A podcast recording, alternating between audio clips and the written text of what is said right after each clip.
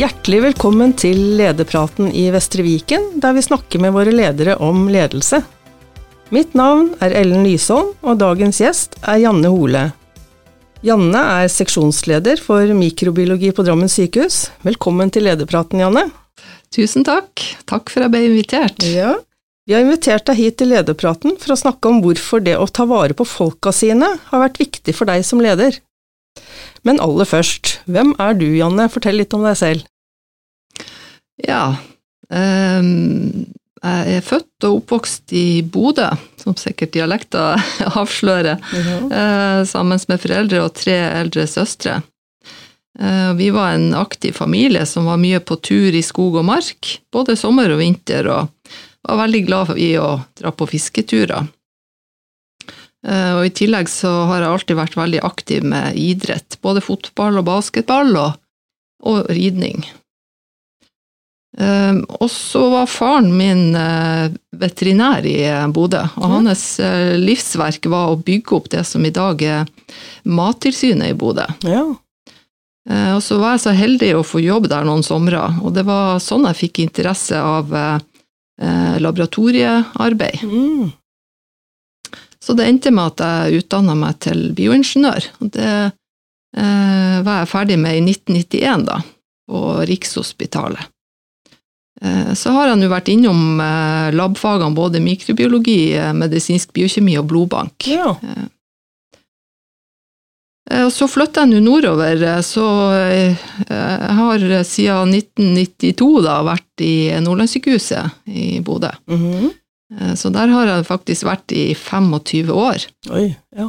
Hadde ja, ulike jobber og verv da, som gjør at jeg fikk ganske bra innsikt i eh, helseforetaket. Da. ja. Så jeg har eh, jobba som bioingeniør innenfor blodbank og jobba turnus i ti år. Mhm.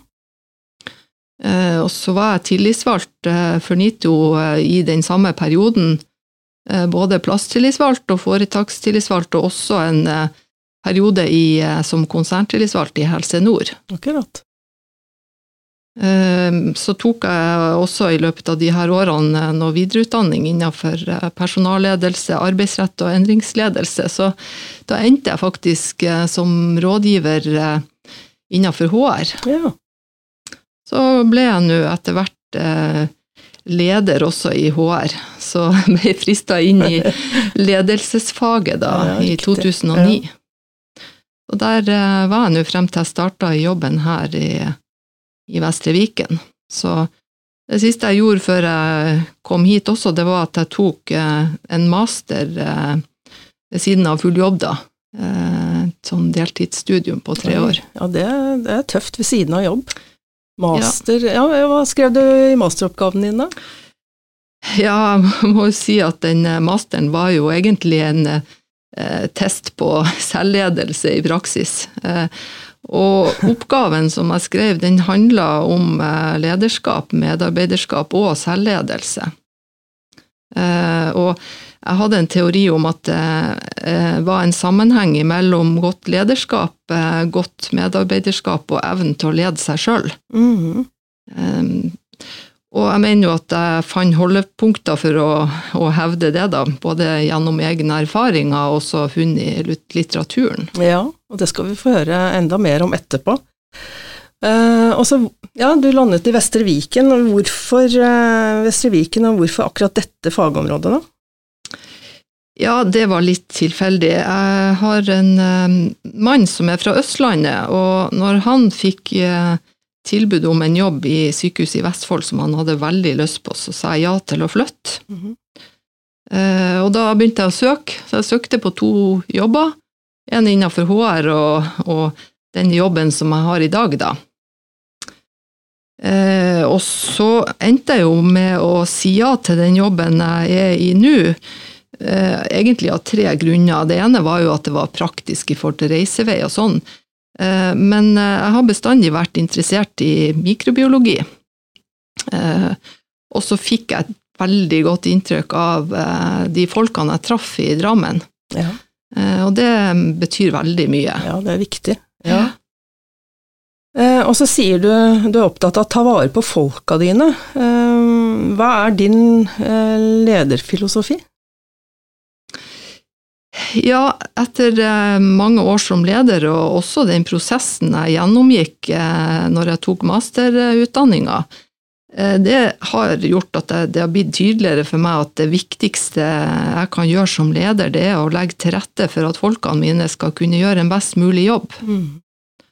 Um, og nå har jeg et stort ansvar eh, for et komplekst fagområde, og jeg har eh, I dag er det 45 medarbeidere jeg har mm. ansvaret for. Og da er jeg avhengig av at jeg har høyt kompetente medarbeidere eh, som eh, utviser et godt medarbeiderskap. Mm. Hva, hva legger du i et godt medarbeiderskap, eh, Janne?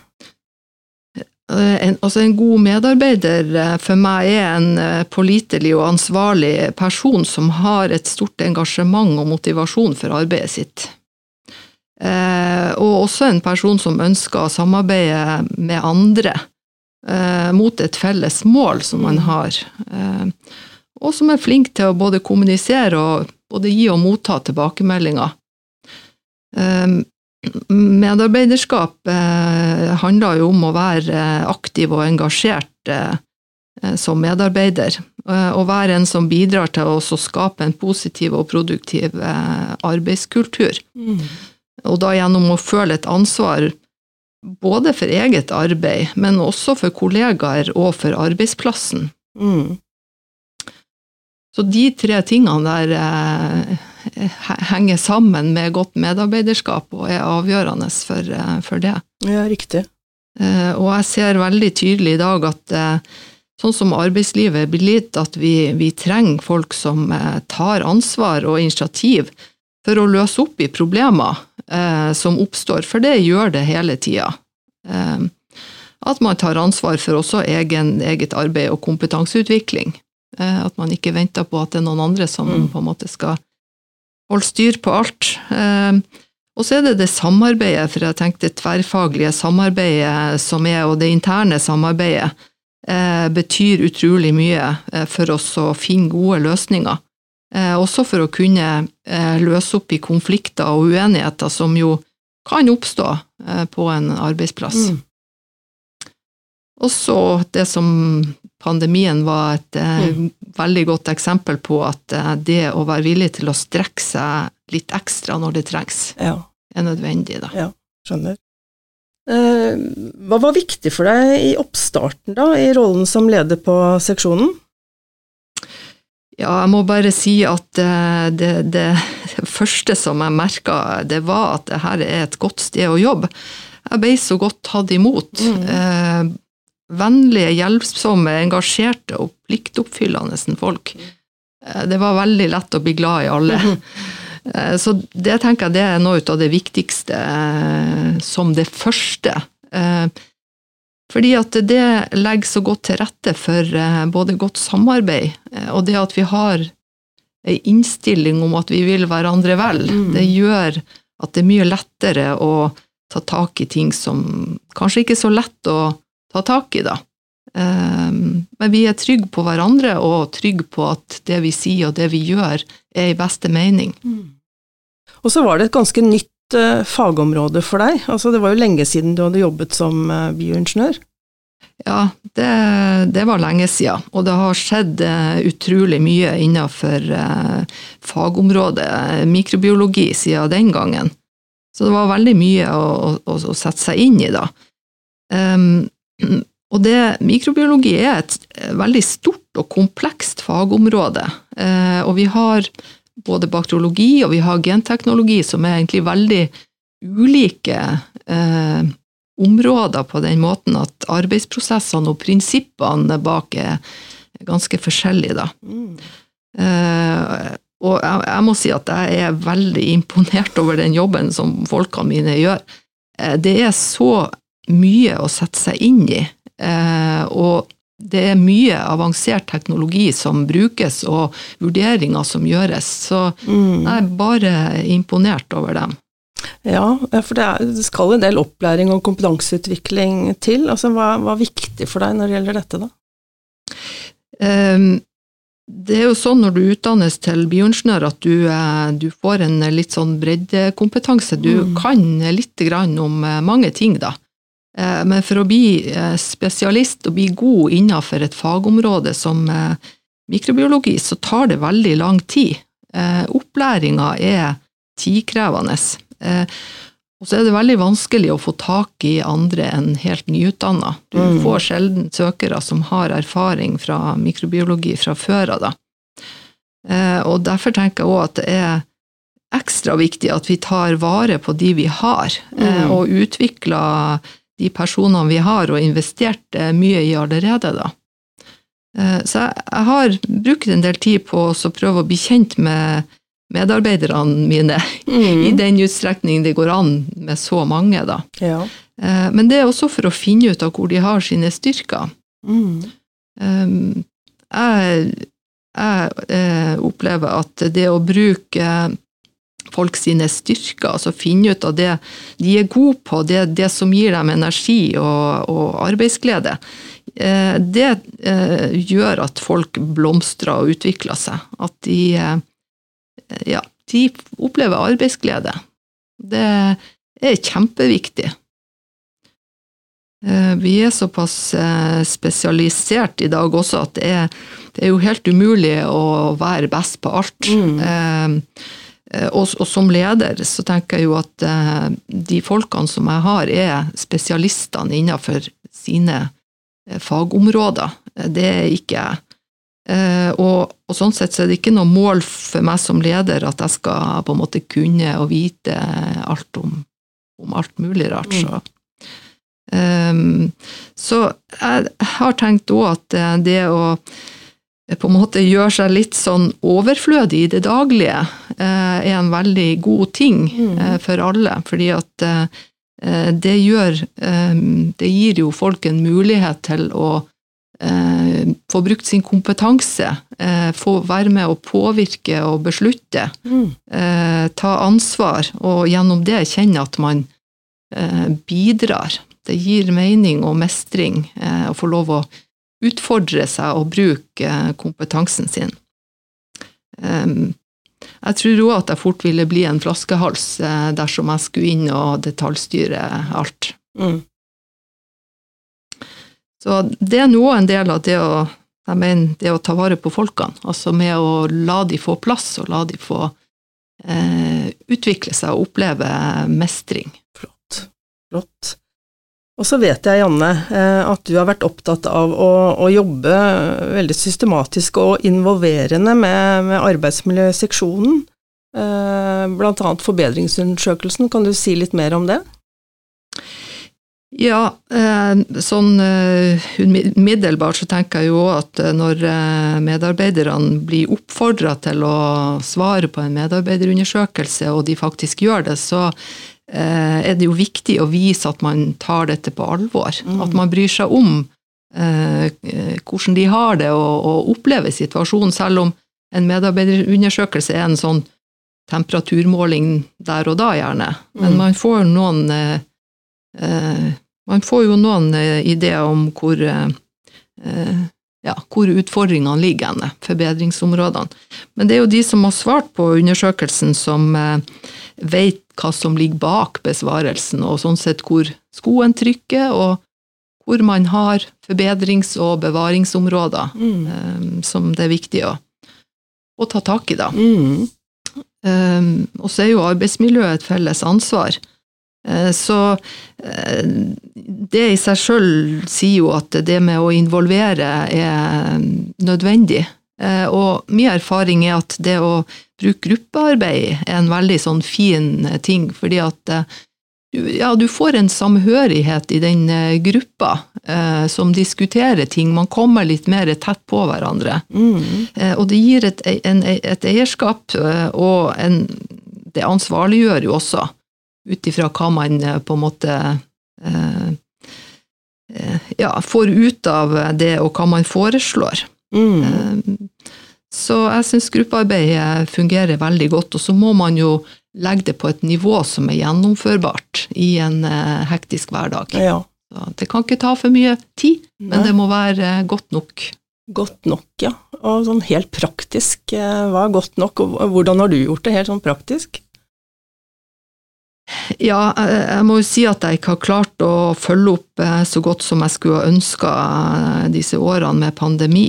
Eh, Men det som jeg har gjort tidligere, og som jeg tenker er en fin måte å gjøre det på, det er jo i hvert fall å sørge for at eh, eh, spørsmålene som man får, eh, er eh, at man har en felles forståelse for hva det spørres om.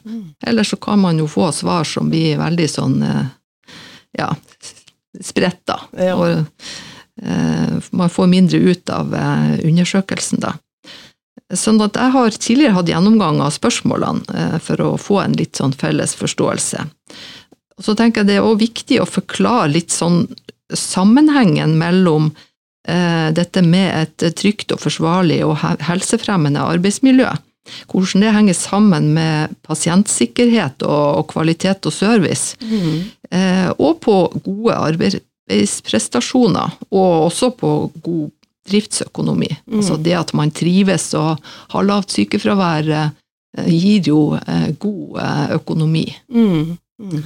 Så det å forstå litt sammenhengen der, eh, syns jeg det er viktig at alle eh, forstår, da. Jeg har jo brukt eh, medarbeidersamtaler også for å få litt mer sånn håndfast, eh, litt sånn individuelt, men også se trender på ting. Eh, Så det har vært også en del av grunnlaget for handlingsplanen som utarbeides, da. Mm. Um, og så syns jeg det er veldig fint å kunne ha verneombud og tillitsvalgte med i, i denne prosessen, da. Ja. Eh, De har viktige roller, eh, og får gjerne innsikt i ting som ikke nødvendigvis lederen får. Sikre, sikre litt ulike perspektiv inn i det systematiske arbeidet, viktig. Ja. ja. ja.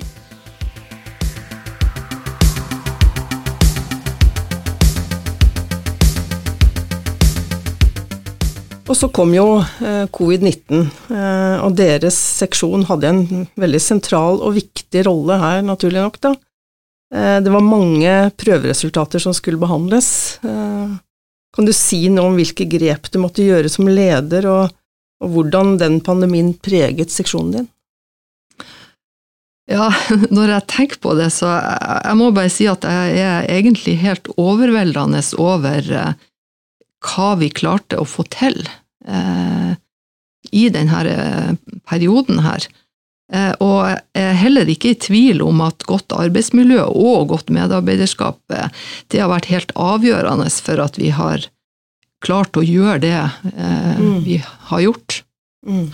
Um, det som jo var ganske lett, det, det var jo å kommunisere en krise, for det var jo det dette var. Mm. Det var en krise, alle forsto den. Mm.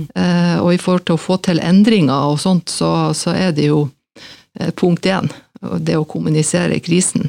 Eh, eh, og så var det også lett for meg å kommunisere at vi var i samme båt. Eh, vi sto i lag eh, om denne eh, si, kampen mot den usynlige fienden som jo viruset egentlig var da.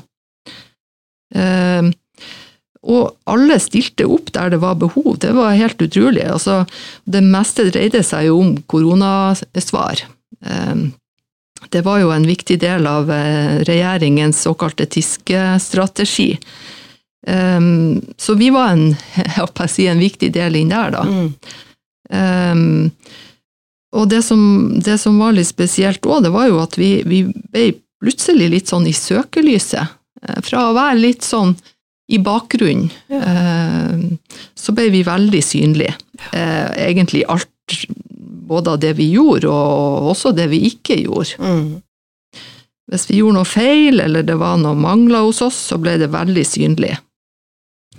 Eh, det var et ekstremt press, eh, som vi jo ikke hadde opplevd eh, tidligere. Eh, det var både litt sånn skremmende, men samtidig så ga det jo også en veldig sånn god følelse av å, å være betydningsfulle. Eh, Så den jobben vi gjorde, den var tydelig viktig. Og da ble den veldig meningsfull. Mm. Og helt sånn hvilke praktiske konsekvenser fikk det for dere, da? Dere, det må jo ha påvirket både eh, arbeidstid og arbeidsprosesser, vil jeg tenke meg? Ja, det påvirka oss i veldig stor grad. Mm, vi har jo vært eh, dagarbeidere eh, tidligere. Mm. Eh, ikke alle har jobba helg heller. Eh, men nå gikk vi over til at eh, så å si alle jobba helg. og altså turnus og arbeidstida ble jo endra kontinuerlig også, fordi at eh, det var så uforutsigbart alt. Eh, så det var veldig kort varsel. Vi hadde tavlemøter hver morgen eh, hvor vi kom med ny informasjon om endra rutiner, hva vi hadde å forholde oss til.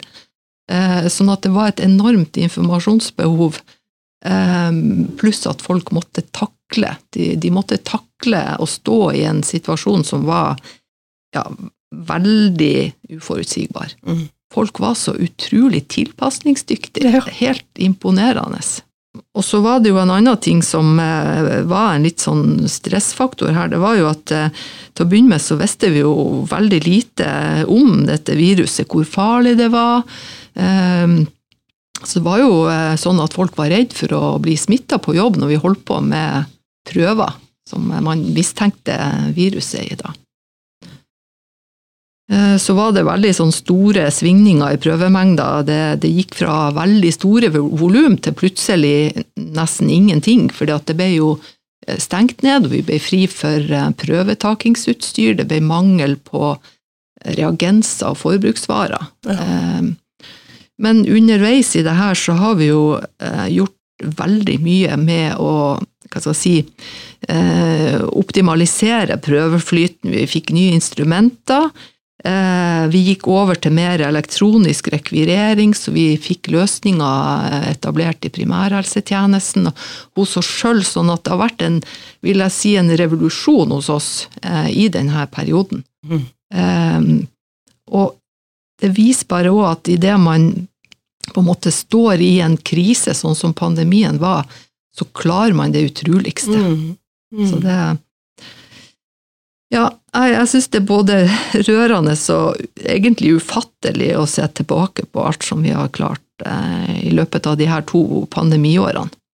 Eh, og, og, igjen, så dette hadde ikke gått eh, uten å ha så lojale og pliktoppfyllende medarbeidere som, eh, som det jeg er så heldig å ha, da. Mm. Ja.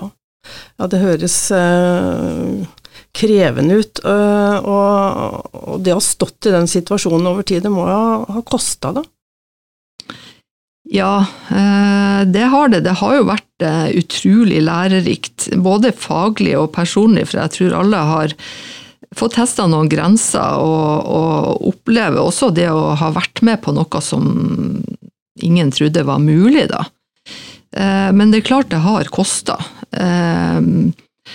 det å liksom gjennom to år stå i et ekstremt press, det er ganske lenge, det. Ja. Um, og, og, særlig den her eh, usikkerheten og uforutsigbarheten som, uh, som var der hele tida. Vi visste på en måte ikke hva som skjedde rundt neste sving. Mm. Uh, og sånn sett veldig vanskelig å planlegge uh, og forholde oss til, til hverdagen, da. Mm.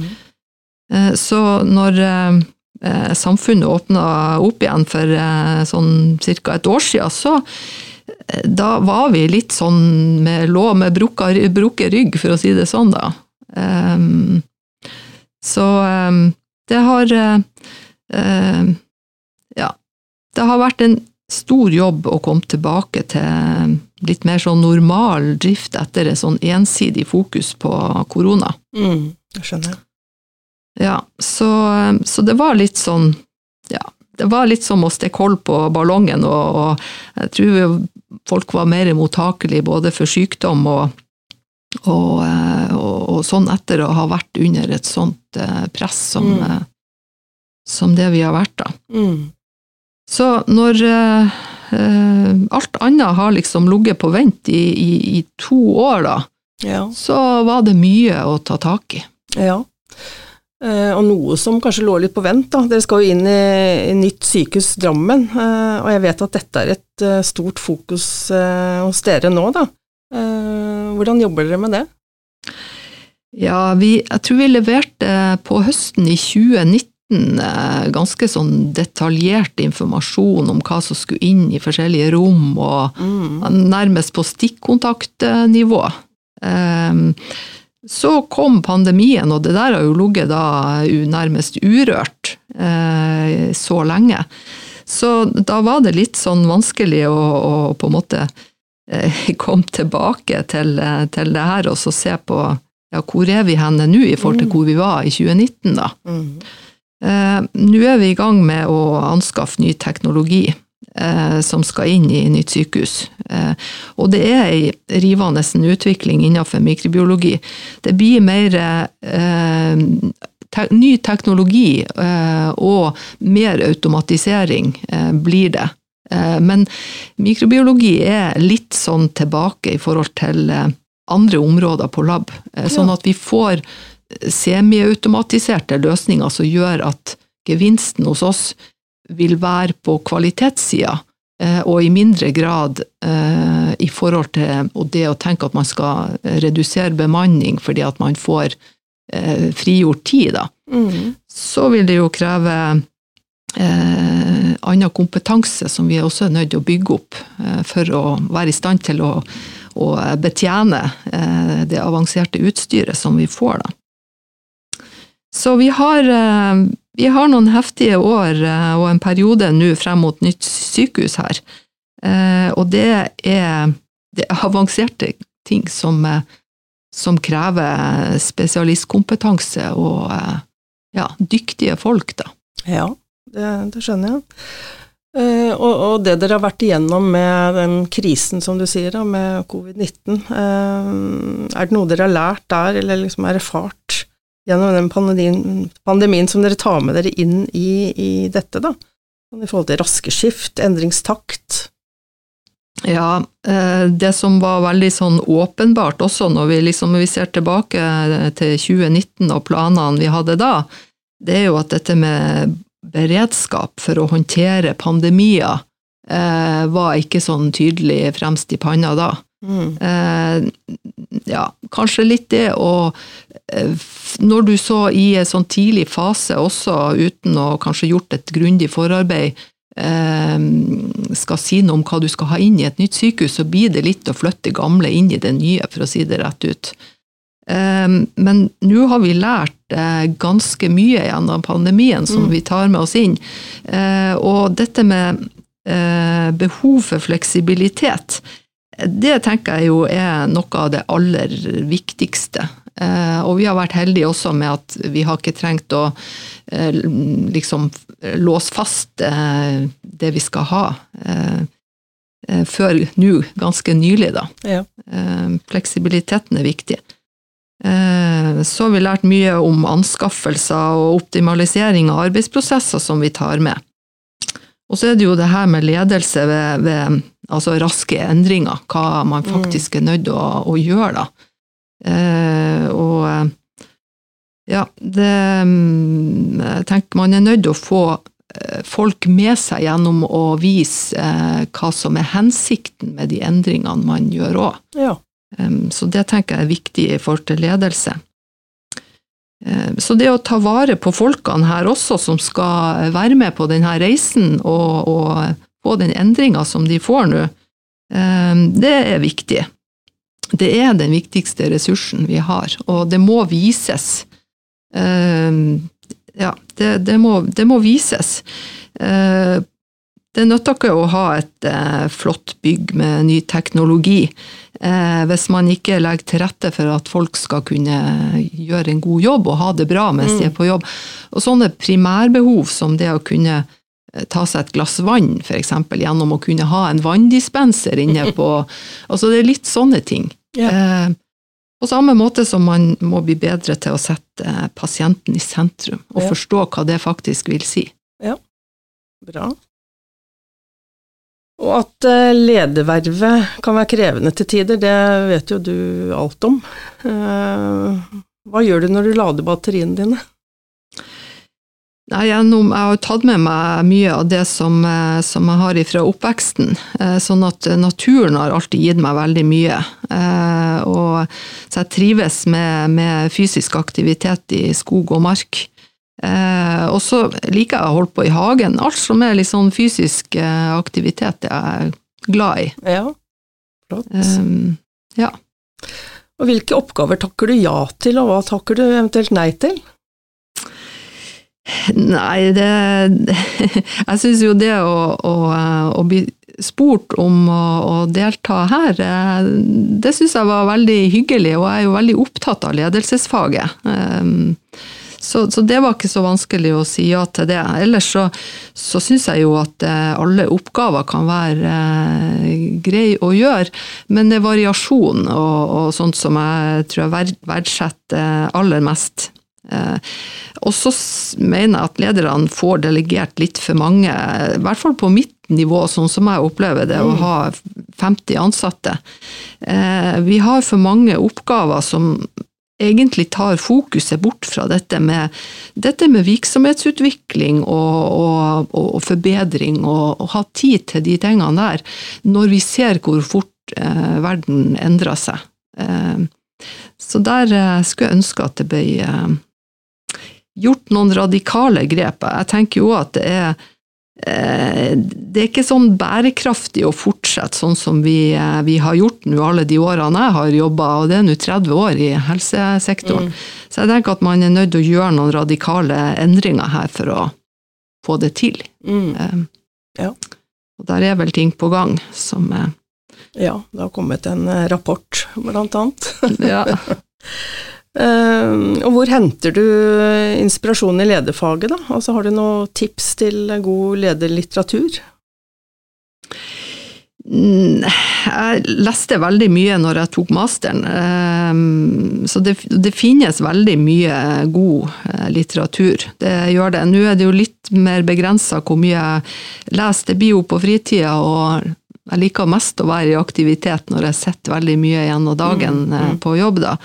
Eh, men det som går på, på ledelse og utvikling, og også psykologi og forskning, eh, hvis man på si, er på nettet, hvert fall, så blir man jo gjerne feeda med det man eh, klikker seg inn på. da. Ja. Så, så, sånn at jeg er opptatt av ja, tenker at psykologi er en del av ledelsesfaget også. Mm. Ja. Vi skal snart uh, runde av denne episoden, Janne, men helt til slutt, hvilket råd vil du gitt deg selv om du var helt ny leder i dag, og eventuelt hva er dine beste lederråd til andre ledere? Ja, jeg tror eh, Altså, vi er så forskjellige, og, og, eh, og vi, vi, må på en måte gå inn eh, og være oss sjøl i lederrollen. Det, det, tenker jeg. At man mm. på en måte er ekte, og den, den, man faktisk er. Eh, men det å ha tenkt litt gjennom eh, hvem man ønsker å være som leder, og hva slags verdier man tar med seg, mm. det er jo også noe som er av betydning også for å matche en organisasjon og en kultur man går inn i, da. Og så tror jeg at forventningsavklaringa er viktig, for eh, det er jo både forskning og for så vidt egne erfaringer som, som, tilsier at man mange ganger har litt for store forventninger til, eh, og urealistiske forventninger til eh, hva man skal få til. Ja. Vi er jo mennesker, mm. og ikke maskiner. Så man kan fort gå på en smell hvis man på en måte ikke Eh, ser den, altså. Mm. Ja, gode tips til nye, nye, ledere. Ja, da blir jo òg det der med å jeg si, velge sine kamper, for det er liksom også hva som er viktig, eh, ut ifra verdier og sånn. Eh, at man ikke går løs på, på, alt med like stor energi, men velger ut det som er viktig. Eh, og så må man lade batteriene. Mm. sånn som de sier på flyet, altså at ta på deg eh, oksygenmasker før du hjelper andre. Mm. Så uten å på en måte ta vare på seg sjøl, så er det vanskelig å være der for andre. Og det tenker jeg at man som leder eh, må være. Eh, viktigste oppgaven man har. Mm. Kloke ord, eh, Janne. Tusen takk for at du tok turen til lederpraten, og lykke til i det videre arbeidet og inn i nytt sykehus. Tusen takk.